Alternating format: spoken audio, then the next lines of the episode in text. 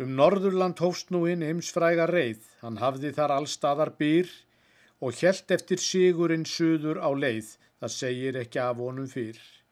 Því ekkert fekk stöðva þar hugprúðan hal, ný honum frá tigninni bætt, uns esbólin mættan á mælifellsdal sem mjög er í árbókum frækt. Hann esbólin herði úr höfustad lands að honum var óvístum grið, en svo mikið skildist á hæglæti hans hann hrættist eða jörundar lið. Menn grunaðan Jón myndi gugna við fátt því geðið var töluvert ríkt, hann hafði ekki mikið í mannráðum átt en margt hafðan skrifað um slíkt. Hann jörundur þjettan í stigreipin steig og stemd á hinn naftfræga mann, Hann vissi þá fáa sem fengi sér geig en fannst ekki um esbólinn þann. Þeir höfðu því spáðunum söður með sjó að sjálfströstið yrðunum vald.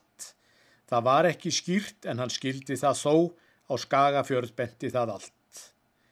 Nú steipast þeir á eins og stórkvelum haf og störðu á hvorn annan um skeið, svo tóku þeir hæverskir hattin sinn af og hliftu svo burt sína leið.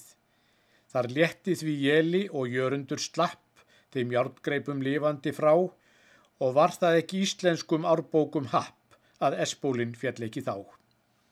Nú leita þeir söður því liði var þreytt og langdreigið orðið og svangt. Um viðtökur austanfjalls veit engin neitt því vísir komst aldrei svo langt.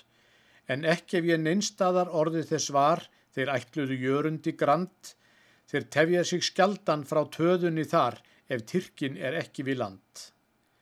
Jón Guðmundsson einn var þar ljón á hans leið og lofðungi hótaði glóð með vopnaða mýrdæli vikingsins beigð og virki hjá jökuls á hlóð.